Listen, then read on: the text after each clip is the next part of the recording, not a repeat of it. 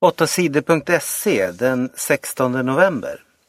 22 dödade i striderna i Gaza.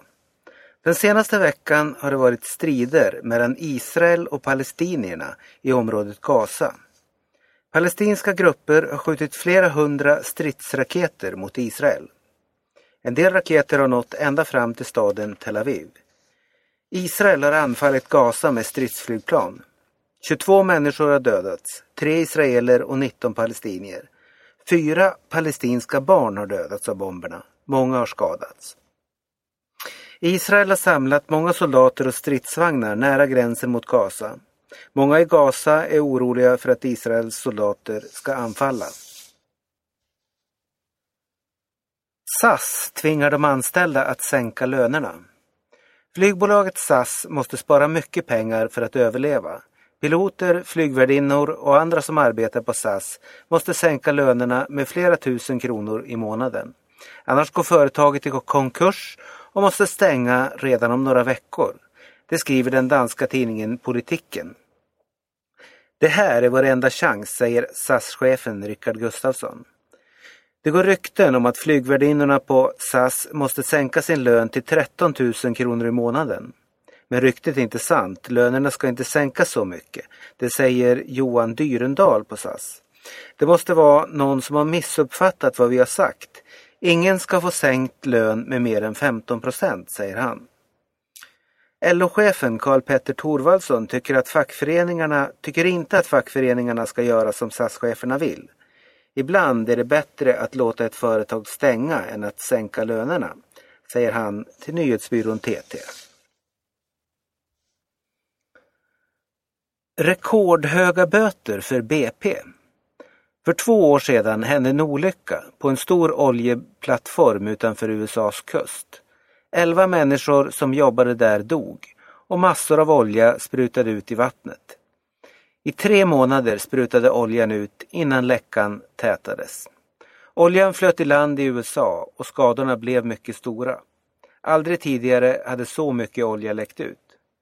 Det var det brittiska företaget BP som ägde oljeplattformen. BP har erkänt eh, att det var deras fel att olyckan hände. BP visste om att plattformen inte var säker, men de stoppade inte oljepumparna. Nu är det klart att BP måste betala rekordhöga böter. BP måste betala ungefär 30 miljarder kronor. Det kommer också att bli en rättegång mot flera BP-chefer. BP har redan betalat omkring 150 miljarder kronor för att rensa upp efter olyckan och se till eh, människor som råkade eh, illa ut.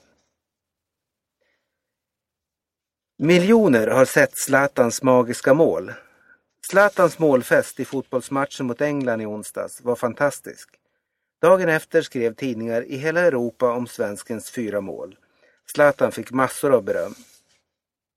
Mest skrev tidningarna förstås om Zlatans otroligt snygga mål i slutet av matchen. Det var århundradets vackraste mål, skrev den brittiska tidningen Daily Star. Det var i alla fall målet som de flesta ville se. Redan efter några timmar hade nästan fem miljoner människor sett Zlatans konstmål på sajten Youtube. Bråk om Palme i ny film. Den nya svenska filmen Call Girl handlar om mäktiga män som köper sex av flickor. En av dem är statsministern. Statsministern i filmen ser precis ut som Olof Palme som var statsminister i Sverige i många år.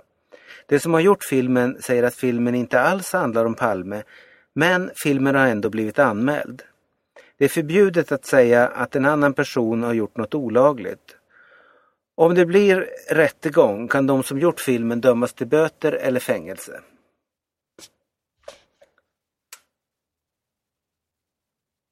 Pakistansk man dömdes till döden.